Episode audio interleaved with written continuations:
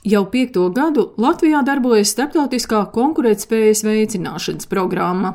Līdz šim tajā piedalījušies 1328 uzņēmumi, un dalībai starptautiskās izstādēs, konferencēs un kontaktbiržās, produktu certifikācijai, telemārketinga pakalpojumiem un citām aktivitātēm piešķirti 22,3 miljoni eiro.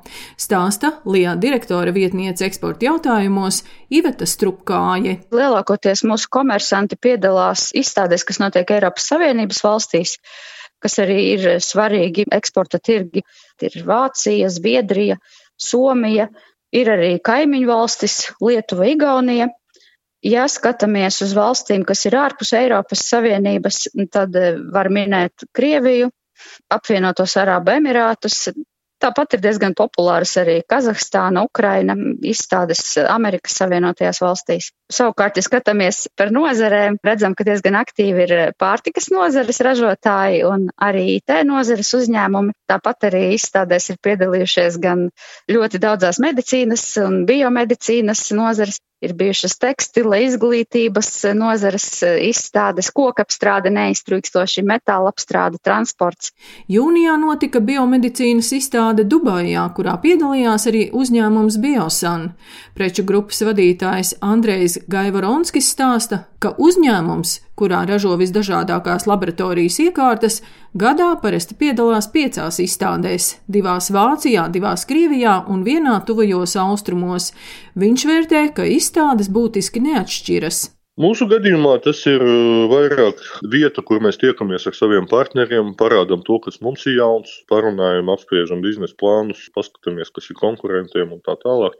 Tirgus izziņas veids, es teiktu. Jo braukt ciemos pie vienas kompānijas tas nav efektīvi, tāpēc izstādes palika vienīgais veids, kā aptverot plašu klientu loku un satiekot kompānijas gandrīz no visas pasaules, iespējami īsā laikā parādīt, kas jums ir jauns un parunāties par kaut kādiem biznesa plāniem ar partneriem.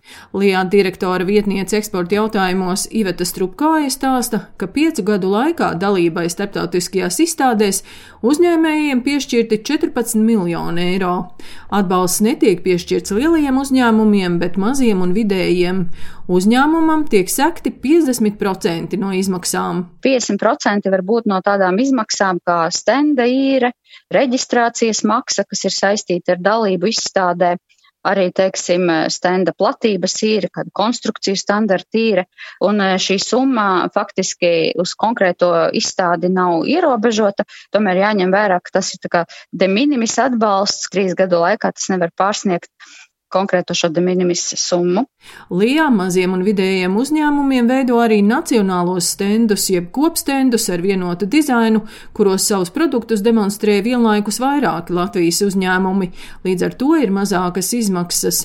Andrejs Gaivaronskis no uzņēmuma Biosan stāsta, lai gan uzņēmumā strādā 150 darbinieki un apgrozījums gadā ir gandrīz 20 miljonu eiro, arī izmaksas piedaloties izstādēs ir lielas, Tāpēc LIA atbalsts ir ļoti svarīgs. Neskaitot komandējuma naudas, viesnīcas pārbraucienus un tā tālāk, izstādes vieta Eiropas izstādē no 12 līdz 15 tūkstoši eiro. Ja, ja mēs runājam par kaut kādu lielāku izstādi, kas ir tuvajos austrumos, piemēram, Medlab,